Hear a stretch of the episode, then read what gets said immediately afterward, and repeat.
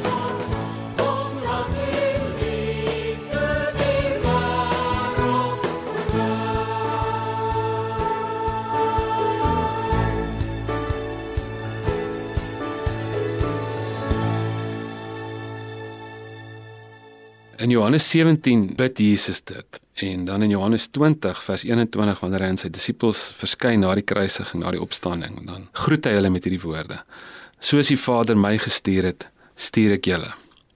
Nou sukses en groei in ons wêreld gaan gewoonlik oor bymekaar maak. Jy moet nog meer hê. Jy moet nog meer inligting hê, jy moet nog meer geld hê, jy moet nog meer goed hê, jy moet nog meer status hê, meer besittings, belangriker wees, meer status.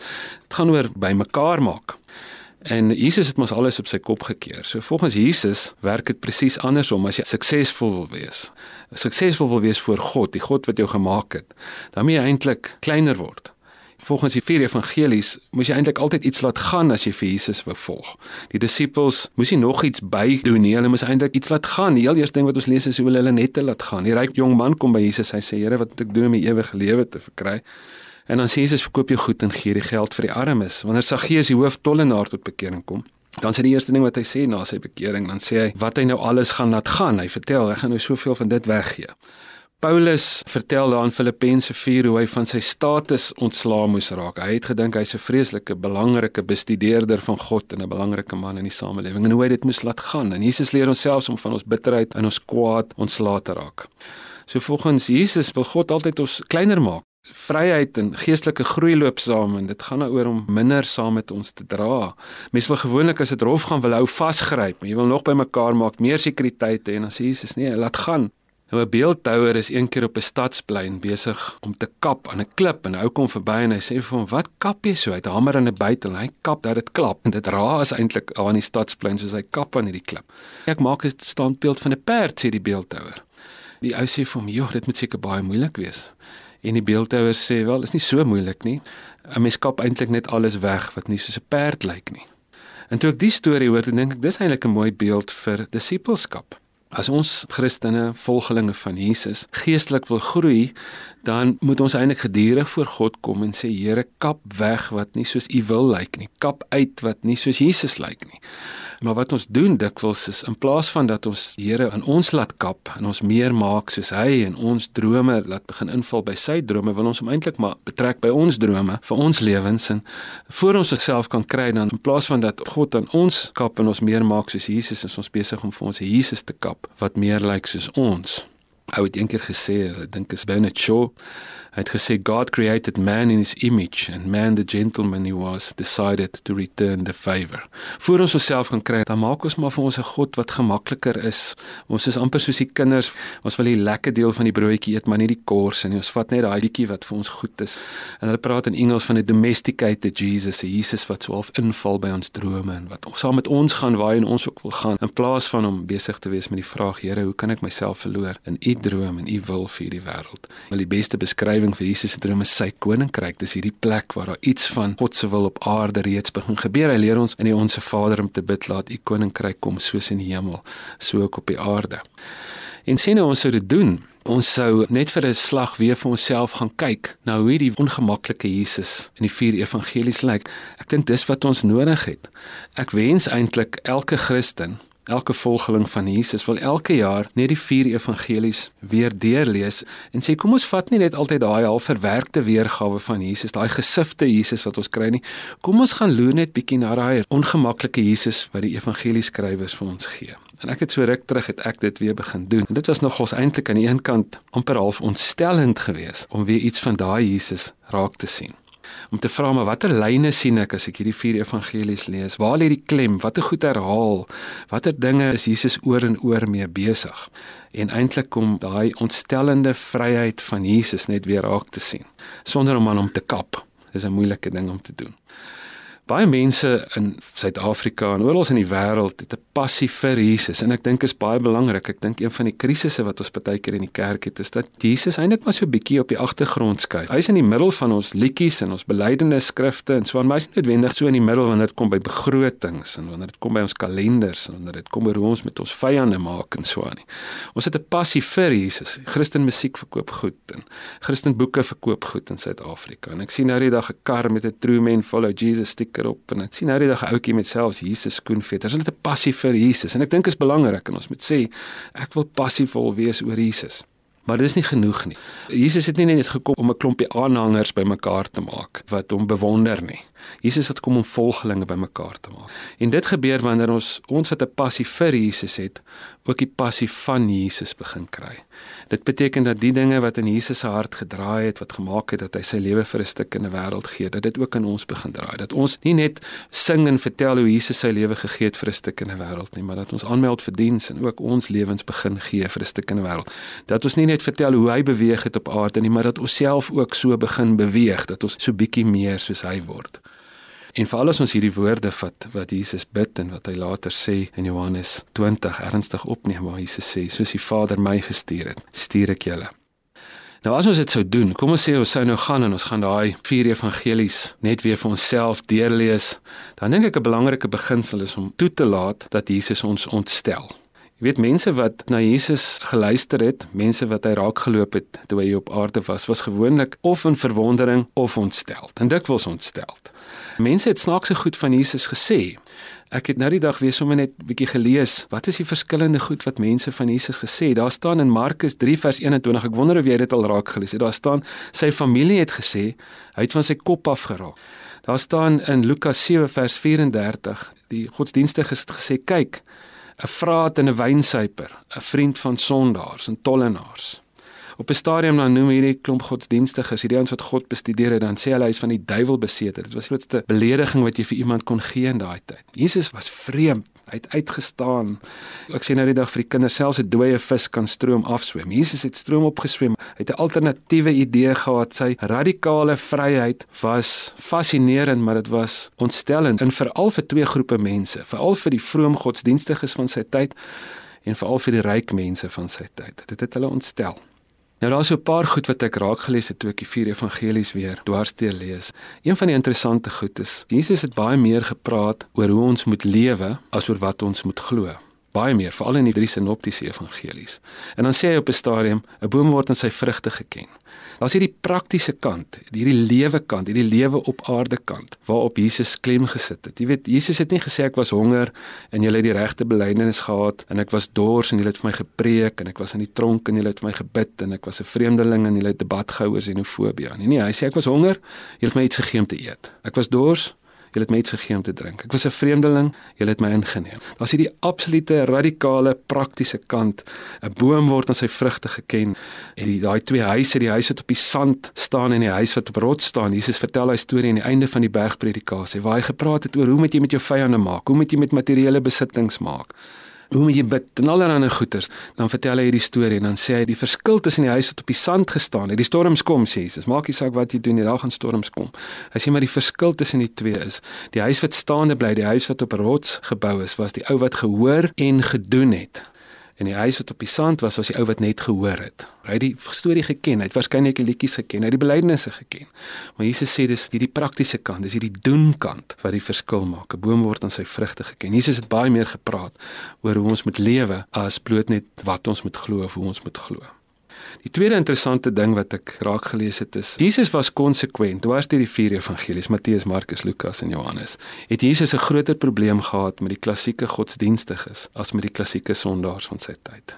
Letterlik al Jesus se argumente en wanneer hy kwaad word, al daai interaksie was met die Fariseërs, Sadduseërs, skrifgeleerdes, wanneer die ou vra wat is die heel belangrikste in die wet en die profete en dan vertel hy die verhaal waar 'n leviet en 'n priester is die bad guys. Hulle is die ouens wat verby die weerlose ou wat langs die pad lê stap. Jesus het 'n groter probleem gehad met die godsdienstiges van sy tyd as met die klassieke sondaars, die Samaritane en die tollenaars en die ander sondaars. Hy het eintlik buitengewone empatie gehad as jy hom as 'n godsdienstige geleerde vat van sy tyd of ten minste godsdienstige meester soos wat die ouens hom gesien het die vrou wat in oorspel betrap is. Dink maar daaraan die tollenaar, die hooftollenaar, die Samaritaanse vrou waar daar staan Jesus sê vir haar jy het al 5 mans gehad en die een wat jy nou het is nie joune nie. Die empatie wat Jesus met daai ouens gehad het. Dis 'n konstante lyn deur die vier evangelies. Toe ek dit nou die dag weer raak sien, dink ek aan ou wat eendag gesê het if you can't go to God in perfection, you can always go to him in brokenness. Is dit nie so nie? nie? Paulus was 'n ou fariseer, 'n belangrike ou. Hy het God bestudeer en was vreeslik godsdienstig en vroom en so aan, maar hy het op 'n dag besef ek is in God se huis, maar ek het nie God se hart nie. Hy het hom vasgeloop teen die grootheid van God. Dis amper wat die verhaal van die verlore seun wil sê nie waar nie. Jy weet, hy ouetjie wat tussen die varke was wat droog gemaak het, hy het sy pa se hart ontdek. Maar die ou wat op die ou en nog steeds verlore was, was die ander broer. Hy was in sy pa se huis, maar hy het nie sy pa se hart gehad nie. Daai storie word natuurlik vertel as mens die eerste vers lees, omdat daar in die eerste vers staan die godsdienstige leiers was ontstel want 'n klomp sondaars het agter Jesus aangekom. En dan waarsku Jesus en dit lyk asof hy dit dwars deur die vier evangelies doen in sy interaksie met die godsdienstiges. Dan waarsku hy en dan sê hy jy kan in God se huis wees, maar jy kan God se hart mis. En dis 'n gevaarlike ding. En Paulus kom dan agter dat hy het God gemis toe hy as 'n belangrike godsdienstige na God toe wou kom. Toe hy blind word op die Damaskuspad, toe ontdek hy God. Dis interessant dat in die sinoptiese evangelies die verhaal van die ryk jong man in al drie evangelies voorafgegaan word deur die woorde waar Jesus sê as julle my koninkryk wil ingaan met julle soos kindertjies word dan sê die volgende maar 'n ryk jong man het na Jesus toe gekom wat alles reg doen. Baie goeie vroom godsdienstige man. Wat dit eintlik sê dink ek is kom eerder na God toe soos 'n weerlose kind as soos 'n die arrogansie van 'n ryk jong man godsdienstige goeie ou wat in sy eie oë alles reg doen If you can't go to God in perfection, you can always go to him in brokenness. In die Ou Testament staan dat die geknakte riet sal hy nie afbreek nie. En dit sien mense in Jesus se lewe. Jesus doen natuurlik goed wat die godsdienstiges van sy tyd ontstel. Hy en sy disippels pluk koring op die Sabbat. Hulle hou nie by die gebruikelike vasdag nie. Dan kom die disippels van Johannes na hulle toe en sê: "Maar hoekom hou julle nie by die vasdag nie?" Hulle was nie hulle hande volgens die Joodse gebruik nie en dan sê ons kwaad. Jesus genees mense op die Sabbat buite die tempel en dan is hulle kwaad. Hy hang uit saam met die verkeerde mense. Hy's by die partytjies, by die etes van die tollenaars en daar het 'n klomp slegte mense by daai etes en partytjies uitgegaan. Hy oornag in 'n Samaritaanse dorp en hy kry van sy grootste kritiek omdat hy met die verkeerde mense uithang. As daar een ding is wat uitgestaan het van Jesus is hy die wêreld verbaas met hoe groot God se genade is. Hy die godsdienstiges van sy tyd verbaas nie met hoe en God se wil is nie, maar met hoe groot sy genade is. Hy het vreemde goed gedoen. Jesus sê vir 'n Romeinse soldaat en ons weet hoe die Jode oor Romeine gevoel het. Dis die heidene wat in hulle eie land verdruk het. En dan sê Jesus van 'n Romeinse soldaat, die aanvoerder, dan sê hy nêrens in die hele Israel het ek groter geloof gesien as by hierdie man nie. Die Samaritane was volgens die Jode nie net 'n vuil volk en 'n klomp ouens wat ondertrou het en allerlei goed nie. Hulle was eintlik deel van die sondaargroep. Hulle het hulle gesien as sondige mense. Hulle het hulle gesien as dwaalleraars, mense wat die wet verkeerd interpreteer. En ons sien dit daar in Jesus se interaksie met die Samaritaanse vrou dat Jesus eintlik sê ja, die Jode is reg en julle is verkeerd. Hulle was dwaalleraars volgens die Jode. En dan gaan Jesus en dan het hy hierdie absolute empatie met hierdie Samaritaanse vrou wat al 5 mans gehad het en hierdie een is nie haar nie. Kan jy dink aan die Joodse oë is daar sekerlik niks slegter as 'n losbandige Samaritaanse vrou nie. En dan maak Jesus haar die eerste sendeling. Sy is die eerste mens wat ons van leer wat na 'n dorpie toe hardloop en wat sê kom kyk die Messias. En dan gaan Jesus tuis in daai dorp en dan verbaas hy die wêreld met hoe groot God se genade is. Die derde ontstellende ding van Jesus as mens die vier evangelies kyk en nou probeer om nie aan hom te kap nie. Is Jesus het 'n groter probleem gehad met rykdom as met armoede. En dit ontstel my ook. En ek wens ook dit was nie so nie. Maar as jy letterlik net sou gaan met 'n highlighter en jy sou deur die vier evangelies gaan en jy sou elke plek merk waar Jesus iets sê oor materiële besittings en oor geld en jy kyk waar sy argumente was en vir wie hy kwaad was en vir wie hy empatie gehad het, dan is dit net so wanneer Jesus die dag regtig die kwaadste word. Dan is dit nie by die bordeel of by die drinkplekke wat ook al nie, dis by die die geldwisselaars in die tempel. En Jesus praat verskriklik baie oor geld. Hy sê goed, soos moenie vir julle skatte bymekaar maak waar mot en roes dit kan verniel nie. Hy sê vir die ryk jong man, verkoop jou goed. Gee die geld vir die armes en volg my dan. Hy sê moenie jou so bekommer oor materiële goederes nie, maar gaan leer by die lelies en by die voeltjies. En dan in daai tyd waar die Fariseërs gesê het, ja, 'n groot deel van ons probleem is hierdie Romeine en die Grieke wat ons voor die Romeine verdruk het met al hulle afgode en hulle afgodsdiens en so en dan kom sê Jesus nee. Wie wat die grootste god wat die grootste moeilikheid maak is Mammon. En ongelukkig is dit nie net vir die Romeine 'n probleem nie. So Jesus het 'n groter probleem gehad met rykdom as met armoede. Ons lewe in 'n wêreld waar armoede eintlik volgens ons die groot probleem is en dan sê Jesus nee. En dis 'n ontstellende ding. Dis nie vir ons lekker om dit te hoor nie. Jesus het 'n vreemde siening gehad oor materiële besit en oor rykdom. En ons kan dit uitkap, maar dan kap ons eintlik 'n groot deel van die vier evangelies uit. Nog 'n interessante ding oor Jesus is Jesus se siening oor wat dit beteken om geseën te wees. Vir meeste godsdienstiges en ook vir die Jode in Jesus se tyd en ook vir die Christene dikwels in ons tyd gaan om geseën te wees gaan oor wat met jou gebeur en wat om jou gebeur. Met ander woorde, jou vyande word oorwin as jy nou geseënd is. As iemand sê ons sê iemand is 'n geseënde man, as dit nou iemand wie se vyande oorwin is, iemand wat 'n klomp geld gekry het, iemand wat groot oes of gunstige weeromstandighede of wat ook al. Goeie goed gebeur met jou of goeie goed gebeur om jou. En dan daar in die bergprediking aan Matteus 5 dan praat Jesus oor wat dit is om geseënd te wees en hy doen dit later op 'n ander plek ook in 'n ander evangelie daar in Lukas 6. En dan het hy hierdie radikale ander idee oor wat dit beteken om geseën te wees. Jy sien vir waar dit vir die ouens in die wêreld en vir meeste godsdienstiges gaan oor wat met jou en wat om jou gebeur, gaan seën vir Jesus eerder oor wat in jou gebeur en wat deur jou gebeur. Jesus sê geseënd is die wat die regte ding doen al beledig mense jou. Hy sê geseënd is die barmhartiges. Hy sê geseënd is die vredemakers. Hulle sal kinders van God genoem word. En in Jesus se definisie van geseënd wees, was Stefanus selfs toe hulle met klippe doodgegooi het, was hy 'n geseënde man, want goeie goed het nog steeds deur hom gebeur en in hom gebeur. Was Paulus en Silas geseënde mense toe hulle onregverdig in die tronk gevange was, want hulle kon dit regkry om te sing, goeie goed kon in hulle en deur hulle gebeur.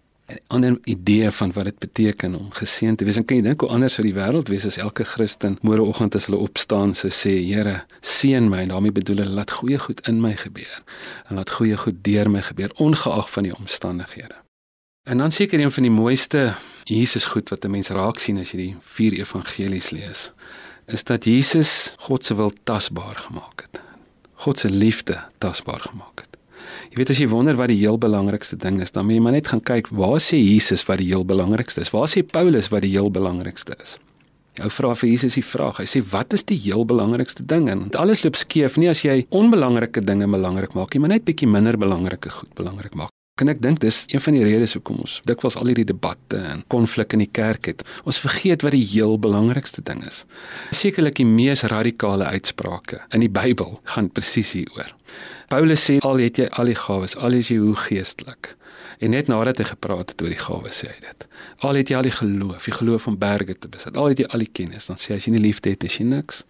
En dan kom Jesus en is eintlik in die Jesus tradisie wat hy dit sê. Dan vra die ou vir hom, nou Here, wat moet ek doen? Wat is die heel belangrikste in die wet en die profete? Dit was hulle hele Bybel daai tyd. Hulle hele godsdiens en dan sê hy vir daai geleerde Jood, die heel belangrikste is om lief te hê En hy sê om God lief te hê, maar gelyk daaraan om God lief te hê, is om jou naaste lief te hê. Wanneer hy dit in Lukas sê, dan verduidelik Jesus vir daai geleerde Joodse godsdienstige en dan verduidelik hy dit aan die hand van die barmhartige Samaritaan. Hy gebruik hy Samaritaan om hom te wys hoe liefde lyk, hoe die heel belangrikste ding in sy wet en profete lyk. Geen wonder hulle het hom gekruisig nie. Op 'n stadium sê een van die skrywers daar, 1 Johannes sê God is liefde. En Jesus het dit kom tasbaar maak. Hy het kom wys dat dat liefde iets tasbaars is. Ek onthou ek het eendag met Heidi Beyker vir 'n koerantartikel het ek 'n onderhoud gevoer met haar daar in die noorde van Mosambiek. En sy het hierdie spreekwoord wat sê love looks like something. Sy sê moenie vir my sê is liefde as dit net 'n gevoel is. Liefde is nie om jammer te wees nie. Liefde lyk na iets. Jy moet dit kan proe, dis tasbaar, jy moet daaraan kan raak. Dis in 'n sekere sin wat Jesus ook vir ons kom sê. Hy het liefde 'n gesig kom gee, dit tasbaar gemaak. Nou ek is by Echo en ons het 'n klomp huise vir jong mense in nood. En ek het al gesien hoe seer kry partykeer so kan ophoop in iemand se lewe dat alles op 'n stadium net in mekaar val. Dis asof seer kry in so 'n kind se lewe soos 'n klomp boeke is wat jy op mekaar stapel en elke stukkie seer kry is maar net nog 'n boek. En as daar net 'n paar is, dan is die ding redelik stabiel nog en jy kan nog iets doen, maar op 'n stadium raak daai klomp goed net so hoog dat jy eintlik 'n klein boekie bo-op kan sit en dan tuimel die hele toring. En dan vra ons partykeer en dan sê ons, "Hoekom het daai ou dit gedoen?" Dit is dan 'n klein dingetjie wat gebeur het, maar dit was net die trigger. Dit was eintlik hierdie klomp seer kry wat so hoog opgebou het dat dit eintlik so onstabiel geraak het dat enige ding die hele lewe uitmekaar uit kan laat val. Ons het eendag 'n meisie in ons huis gehad, 'n hoërskooldogter. En sy was op al ons kampe en goeters en sy het gehoor, jy weet, dat ons sê die Here is vir haar lief. Maar sy kon dit nooit glo nie. Ek het sommer gesien haar oë draai as iemand daaroor praat. Sy kon nie dink dat God 'n God van liefde is of dat hy vir haar lief is nie. En haar lewe was so, sy het verskriklike trauma beleef, verskriklike swaar kry en seer kry op daai stadium. Dit was soos 'n klomp boeke wat net so hoog opgestapel het in haar lewe. Toe sy uiteindelik by ons uitkom, as hy net nog een ding sou gebeur, dan tuimel die hele ding. En toe op 'n dag toe gebeur dit. Daar sou gebeur weer 'n slegte ding in haar lewe en dit is soos die laaste strooi en haar hele lewe val uitmekaar uit. En sy het letterlik in die strate ingehardloop en sy het geskree en sy het gehuil sy was moedeloos toe ek later met haar praat. Sê sy ek het net aanhou hardloop en ek het net gehuil en gehuil. Later kon ek nie meer hardloop nie. Ek was te moeg en ek het net gehuil. En sy sê ek nog verdwaal ook en ek het nie geweet waar ek is nie en ek het daar op 'n straathoekie gaan sit en ek was te finaal moedeloos. Ek het net gesit en huil. Sy vertel hoe daar 'n tuinhekkie agter haar oopgemaak het en 'n vreemde tannie wat sy nog nooit gesien het het uitgekom en sy het langs hierdie kind kom sit Die vrou het natuurlik eers met haar probeer praat, maar sy het gesien hierdie kind is ontroosbaar en sy het die regte ding gedoen. Sy het haar net vasgehou. Sy het haar kop gevryf, sy het haar vasgehou, sy het haar kop teen haar bors gedruk en sy was net daar. En hierdie dogter toe sy my later vertel, te sê sy daar het iets gebeur in my. Die daai vreemde vrou my net so vashou.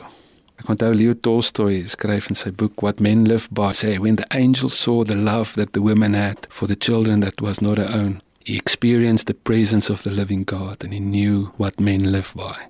En hy dogter sê sy het iets van dit beleef, sy het iets van God se teenwoordigheid beleef in daai oomblik wat hierdie vreemde vrou haar vashou. En sy sê vir my Jacques, jy weet ek het baie gehoor hoe jy vir my sê God is lief vir my. Hoe jy dit vir ons vertel. Sy sê maar daai dag kon ek dit voel en nou glo ek dit.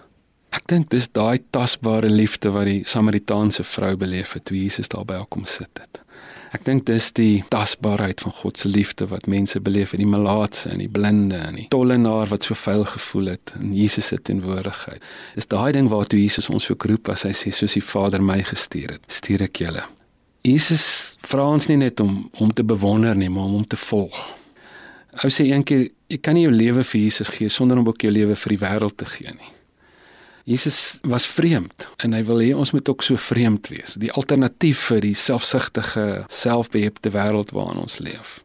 Hy staan vir hierdie radikale vryheid en hy wil hê daai radikale vryheid moet ook ons in wees. Vry van materiële goed, vry van onselfsugtigheid, vry om dapper lief te hê, om vredemakers te wees, om oor die grense van mense te stap soos hy en jy's op die donkerste plekke in hierdie wêreld ons lig die helderste laat skyn.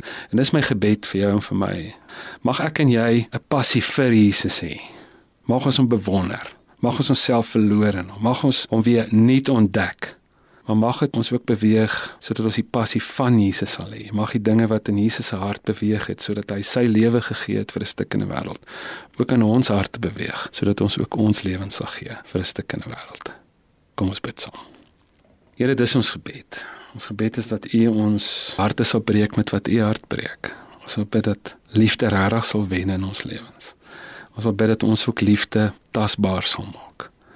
Ons wil bid dat ons ook vry sal kom van al hierdie pretensies en die spanning om net beter en beter te lyk like, eerder as om beter te word. Dat U ons ook the art of letting go sal leer, dat ons lig sal kan reis en vry sal kan lewe, vry om dapper lief te hê. En ons wil bid dat daai ding wat in U hart gebeur het, dat U U lewe kon gee vir 'n stuk in die wêreld, ook in ons harte sal gebeur. Ons bid dat U vir ons U passie vir ons sal gee, U passie vir hierdie wêreld. Ons wil bid dat U ons deur die Gees sal lei en ons sal wys en ons sal wysheid gee daarin, Here in Jesus se naam. Amen. Ons gaan afsluit met die lied Jesus groot bo almal.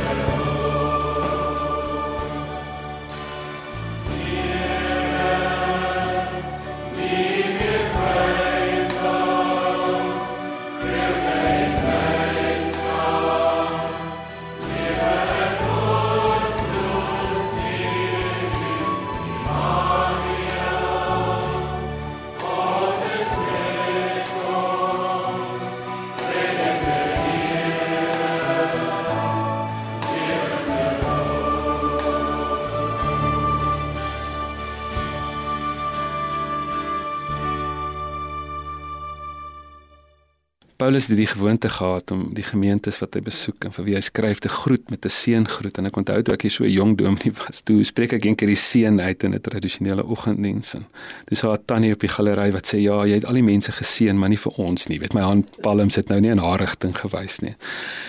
En toe dink ek na die tyd, ja, mense dink baie keer as die seën groet uitgespreek word, hulle word nou geseën, maar eintlik is dit 'n herinnering dat jy reeds geseënd is. Dis iets wat jy vir iemand sê met die hoop dat hulle oë sal oopgaan vir iets wat reeds daar is, dat hulle sal besef hulle is geseënd, want as ons weet ons is geseën, dan maak dit ons dankbaar en dit maak ons vrygewig en dit maak ons onselfsugtig. Dit laat liefde in ons harte groei en dis die goed wat Jesus wil hê ons moet doen. En dan wil ek jou groet met die seën van die Here.